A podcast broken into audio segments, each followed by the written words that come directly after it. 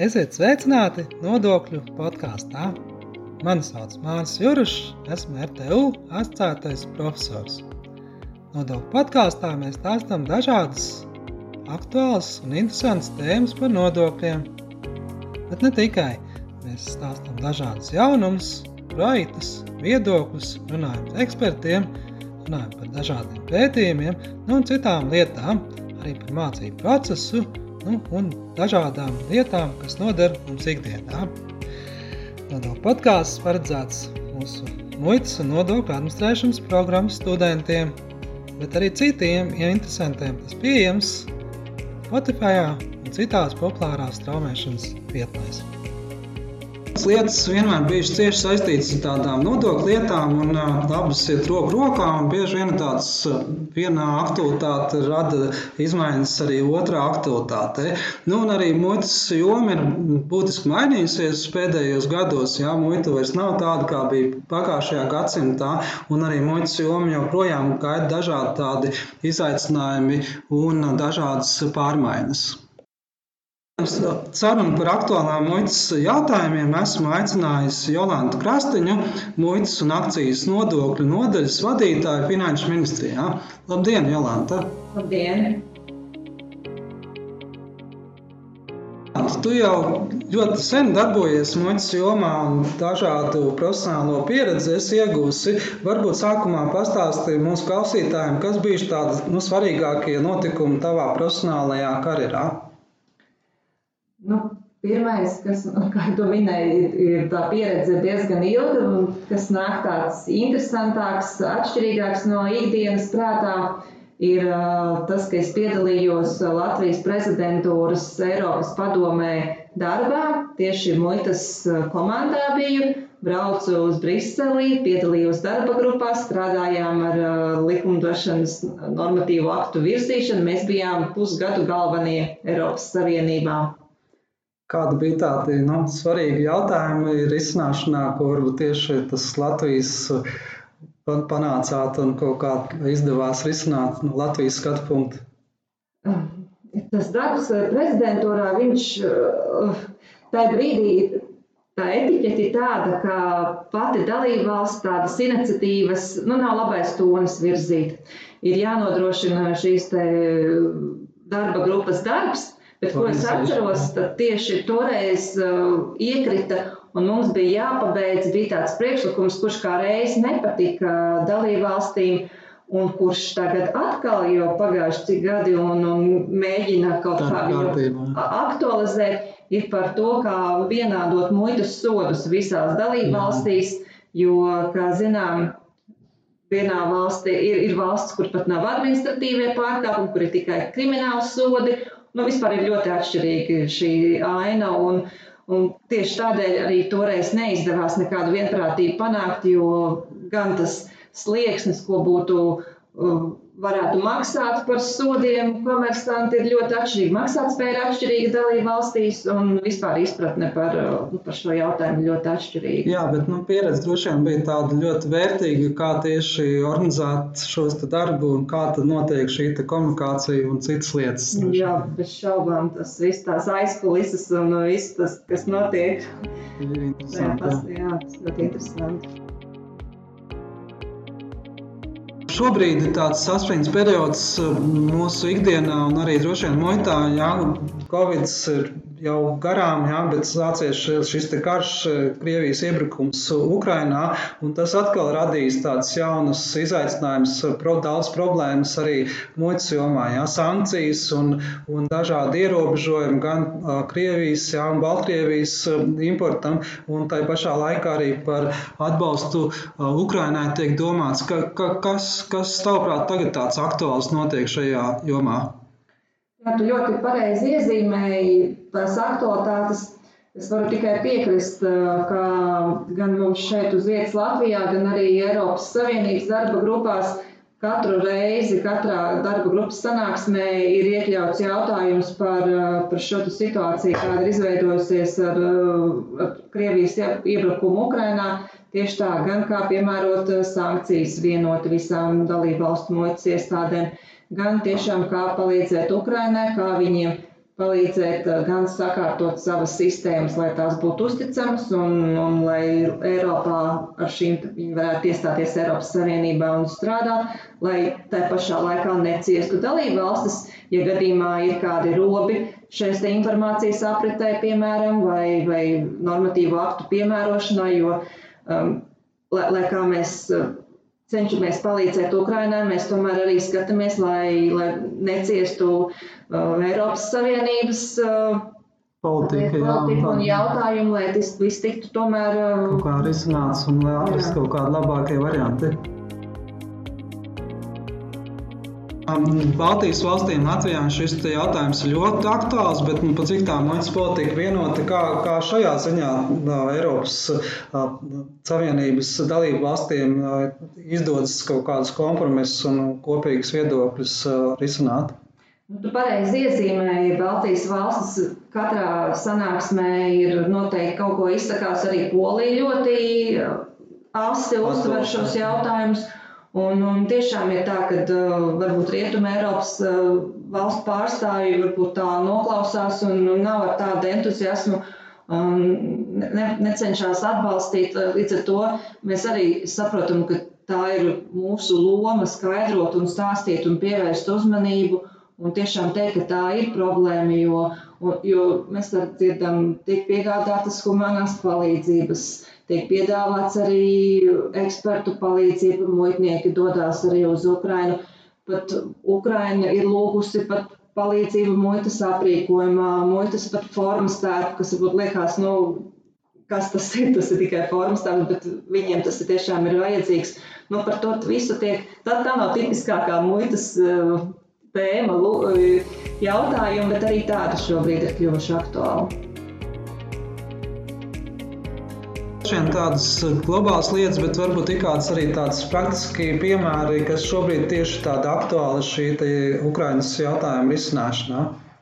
Viens no tādiem jautājumiem, kas ir parādījies darba kārtībā, nu, nav tipiskākais muitas jautājums, bet viņš atkal, kā, kā daudzos muita, ir arī klātesoša. Tas ir par eh, šaujamieroču mm, kustību pāri robežai, kur tiek pārvietoti, jo ir sakarā ar atkal ar esošo ģeopolitisko situāciju ir konstatēts, ka ir, ir lietas, kas būtu, kam jāpievērš lielāks uzmanība. Līdz ar to arī tiek virzīts priekšlikums, lai šo visu certificētu un nu, Sakārtot jā, to procesu, visu kontroli un monitorēt. Jā, jā, nu, jā tas vienmēr bija tāds. Bieži vien mums arī presē un citur skaidroja šos jautājumus, jā, un tad tad nu, dažādu ārlietu ministrijas vai citi resursi iesaistīti un bieži vien tiek piemirst laikam par tādu muitas nozīmi šo te dažādu arī preču vai šo te lietu pārobežu kustībā. Un tur tiešām, manuprāt, ir muitā tāda ļoti liela nozīme, kaut arī tai pašā sankciju piemērošanās viss tā kā domā, tas kaut kā pats par sevi atrisināsies, ja, un, un muitai, teiksim, ne, man šķiet tiek aizmirstā viņa nozīme šajā ziņā. Jā, pagājušā gada maijā mm, tika prezentēts darba grupas viedo personu mm, bija ziņojums, kur bija apkopoti dažādi, dažādu organizāciju pārstāvji. Tur bija arī gan zinātnieki, gan bijušie muitas darbinieki. Tur nebija neviens no dalībvalstu no muitniekiem, bet bija no dažādu tādu um, organizācija, organizācija pārstāv, kur bija izteikuši savas rekomendācijas, novērojums, ko vajadzētu uzlabot muitas darbā. Un viena no tām rekomendācijām bija, ka bieži vien Eiropas Savienības normatīvu aktu izstrādē muita nav bijusi klātesoša jau no paša sākuma, līdz ar to ir eh, tīri tehnoloģiski pieļautas tādas eh, neatbilstības, ka pēc tam piemērotāji tiešām Turklāt, jā, tas bieži vien tiek, droši vien muitai uzdodas tas, ko viņi pat nu, nav, nav gaidījuši, jā, vai kas nav jā. viņu pienākumos. Jo bieži vien tas sajūt, ka muita ir uz robežas, ka viņi pirmie, pirmais sāks, un tātad muita tur ir, tātad muita tur viss nokārtos. Nu jā, nu, nerunājot par to, ka bieži vien arī parastam cilvēkam jūg tur, kas ir robeža apsardze un kas ir muita un citas lietas. Jā. Jā, arī runājām, muita visu laiku tāda pārmaiņu laikā, un arī turpmāk droši vien vēl dažādas izmaiņas gaidāmas. Jā, cerams, ka šis krīze ar Ukrainu kaut galā atrisināsies, jā, un, un tāda jau varēs tiešām tā nopietni skatīties uz šiem ilgspējas un tādiem drošības jautājumiem nākotnē. Un viens no tiem jau arī šo, jau, jau, jau pat ir izstrādāts vairākus gadus tāds muitas kompetenču ietvers Eiropas Savienībā, kas ļoti detalizēti apraksta dažādas lietas, kā, kam tad jāatbilst ir muitniekam, kādas viņam ir kompetences jāzina savā ikdienas darbā, ja, pa dažādiem līmeņiem un pa dažādiem tādiem veidiem.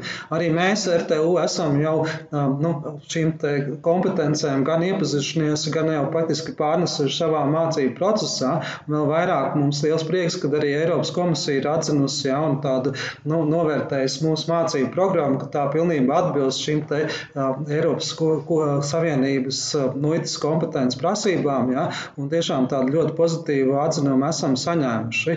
Nu, bet es saprotu, ka darbs vēl turpinās arī nacionālā līmenī. Varbūt Jālēna ir kaut kādas tādas aktuālas lietas arī šajā jautājumā par muitas nākotni un muitas izglītības nākotni. Nu, zināmas aktualitātes ir un ieceras. Mēs esam nolēmuši, ka muitas likumā ir jānosaka skaidri regulā noteiktā prasība, kas paredz, ka saņemot muitas atļauju, atzītā komersanta, kura pati sevī šī atļauja ietver diezgan lielas pilnvaras personai pašai rīkoties, viņai ir jāizpilda zināmas prasības. Tas ir vai nu pieredze, vai kompeten izglītības kompetence. Par, par šo izglītību šobrīd tiek interpretēta regula, jo likumā patreiz nav.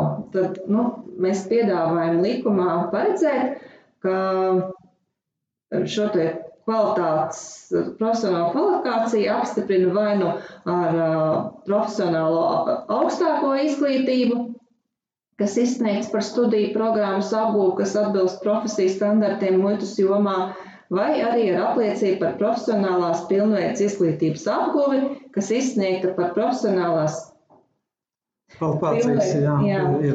Pilnveids izglītības programmas apguva muitas jomā, un tas ir vismaz 60 stundu apmērā. Kad nu, šādas profesionālās prasības ir ļoti svarīgi, tīpaši mēs saprotam, ir vairāk tādi muitas dažādi procesi, kuros ir nu, iesaistītām personām, tiešām nu, jābūt ļoti profesionālam. Ja, ja tieši šajā, šajā gadījumā padzītā ekonomiskā operatora, mēs zinām, tas tāds uzticams komersants un viņam tiek dotas dažādas priekšrocības muitas jomā, tāpēc arī mēs saprotam, nu, lai šādas priekšrocības saņemtu, ir arī jāpliecina, ja, ka tu, tu tiešām pratīsi visu darīt pareizi. Ja, mūsuprāt, tādas šādas profesionālās kvalifikācijas apliecinājums, ja, tām personām, kas pārstāv šādus uzņēmumus, manuprāt, ir diezgan nu, pareizs virziens. Jā, kā domā? Jā. Nu, jā, līdzinājā prakse rāda, ka uh, lielākā daļa Latvijas komersanti spēja izpildīt to sadaļu, kas attiecās uz viņu līdzinējo pieredzi. Jo nu, tā pieredze, protams, tika iegūta strādājot, un zināšanas, praktiskās zināšanas attiecīgi bija. Bet, ja parādītos kāds jauns komersants, kuram nav šī pieredze, viņš arī vēlas veikt šos pakalpojumus, tad nu, viņam ir iespēja, ja ir e, saņemta, iegūta šī izglītības e, dokuments, jā, dokuments jā. E, muitas jomā, viņš arī varēs pretendēt uz šīs muitas atļaujas saņemšanu. Un šī muitas atļauja attiecās zināmā mērā arī uz vispārējo galvojumu, kas arī ir ļoti nopietna atļauja, un, un, un tur ir tiešām stingras prasības un zināšanas jābūt personai, kas ar to strādā. Redzot par nodokļiem un muitu, jā, mēs zinām, bieži vien tā tad, nu, ir muitas un nodokļu joma saistīta. Ja, kaut vai reiķinot pievienotās vērtības nodokli, akcijas nodokļi, ja, mēs pa pamatu ņemam muitas deklarāciju, muitas vērtību, ja, un arī šīs muitas maksājumi bieži vien tādi iet roku rokā. Un varbūt, Jolanta, ir kaut kāda arī aktualitāte šai ziņā, kas tad ir, kur tad ir kaut kādas gaidāmas izmaiņas muitas regulējumā, kas noteikti noteikti varētu atsaukties arī uz tādu nodokļu piemērošanu.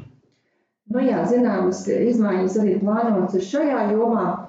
Patreiz ir spēkā regulējums, jo arī kā reiz to nosaka gan regula, gan ir MK noteikumi par to, kā, kā rīkoties, ja ir preču dabiskie zudumi nepasētajām precēm. Nu, piemēram, tiek vesti graudi vai akmeņoglis uzglabātas un, un kaut kas vai nu izžūst vai... Veramām precēm, jā, un tādām. Jā, jā. Kaut, kaut kas rezultātā nav tas daudzums, kas tika iesniegts sākumā deklarācijā.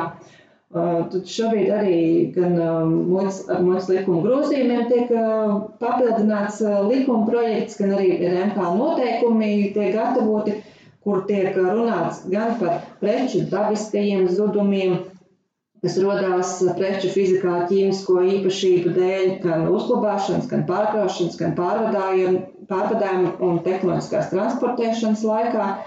Tāpat arī par preču iztrūkumiem. Tas nozīmē, ka tie, tie nebūs preču dabiskie zudumi. Tas var būt arī nobirums, piemēram, pārkraušanas -hmm. laikā. Tāda vairāk tehnoloģiska, jā, jā, jā, ļoti saistīta un droši vien arī attaisnoti, tādi rodas tiešām šajos procesos. Nu, jā, doma tāda, ka ir noteikts zudumu procents MK noteikumos, nu, kāds ir pieļaujamais.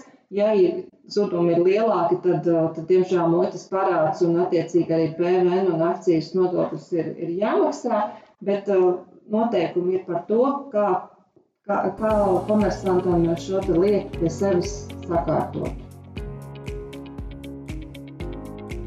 Tas ir ļoti labi, ka tā, jo šobrīd arī tas no tāda biznesa viedokļa, jā, daudzi uzņēmumi veicot šīs pārobežu darbības, jā, gan, gan, gan starp Eiropas Savienības valstīm, gan ārpus Eiropas Savienības valstīm, saskarās tādām dažādām neskaidrībām, kā tad arī piemēro dažādas iztrūkumus šo procedūru jā, vai pārvietošanu laikā. Tad es pieļauju, ka šie noteikumi vismaz regulēs šīs jomu, jā, kas saistīts tieši ar pārvietošanu vai importu tieši no trešajām trešajām valstīm un no muitas jomā? Jā, šis noteikuma projekts attieksies uz muitas procedūrām. Um, iepriekš jau minēju, ka šobrīd jau ir kārtība jau spēkā, bet uh, tiks pilnveidots, jo tiks papildināts gan ar iespēju prognozēt zudumus, jo var būt tādas situācijas, ka nu, nav iespējams tehniski katru reizi nomērīt, nosvērt, piemēram, tās pašas pieminētās akmeņogles, ja viņas ir izbērtas laukumā, nu viņas pārsvērt tur nebūs iespējams. Tāpat e, tiek domāts par tiem gadījumiem, ja preces tiek pārvietotas lielos transporta iepakojumos, jo vispār tas regulējums attiecās uz nefasētām precēm, bet pieņemsim nu, kādas kā kaula pupiņas, kā mums biznesa pārstāvi stāsta, tiek pārvietotas tikai lielos transporta iepakojumos, viņas nav konteinerā nefasētā veidā. Un arī muitai droši vien būs vairāk tādas iespējas iesaistīties šī procesa uzraudzībā un monitorēšanā. Nu jā, noteikti. Un uh, tāpat muitai būs uh, iespēja noteikt zudumu procentu pieļaujamo gadījumā, ja MK noteikuma pielikumā tāds nav. Tas, jo um, mēs saprotam, ka dzīve iet uz priekšu, un šobrīd tāda preci neviens neved, un MK noteikumos nav iekļaut, nav bijis aktuāli, bet iespējams biznesa pamainīsies. Un, un varētu būt kaut kāds jā, jauni vai jauni veidi transportēšanas, kas to zina. Jā, jā un nepaspēs tik ātri izvirzīt grozījumus ministru kabineta noteikumos, tādēļ valsts cīņām dienestam būs iespēja pašam izvērtējot, sadarbojoties ar šo komersantu un nonākt pie optimālās zudumu procentu likmes. Jā, nodokļu podkāstu epizodē mēs runājām par tādām muitas aktualitātēm un saistībā ar nodokļiem, kāds iet kopā. Mēs pārnājām par, tā, par šīm te tendencēm pēdējā laikā, kas saistītas ar, ar Krievijas iebrukumu Ukrainā un karu, jā, kādas ir izaicinājumi problēmas risināšanā, jā, arī muitai saskarās ar šīm sankcijām un atbalstu Ukrainā.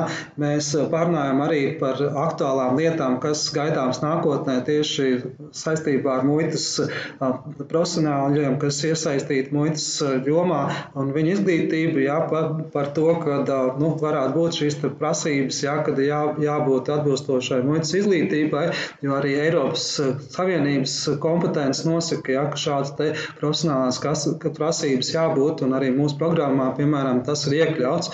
Nu, visbeidzot, ja mēs skatījāmies tādu sasaisti muitai ar nodokļiem, jā, praktiski tāds jautājums par, par zudumiem, iztrūkumiem muitas procedūrās, kurās arī gaidāma šīs pilnveidošanas, jā, un, un ieteikums jāsakot līdz, kā tas uh, atrisināsies, jā, un būs iedarīgs no, nozarei.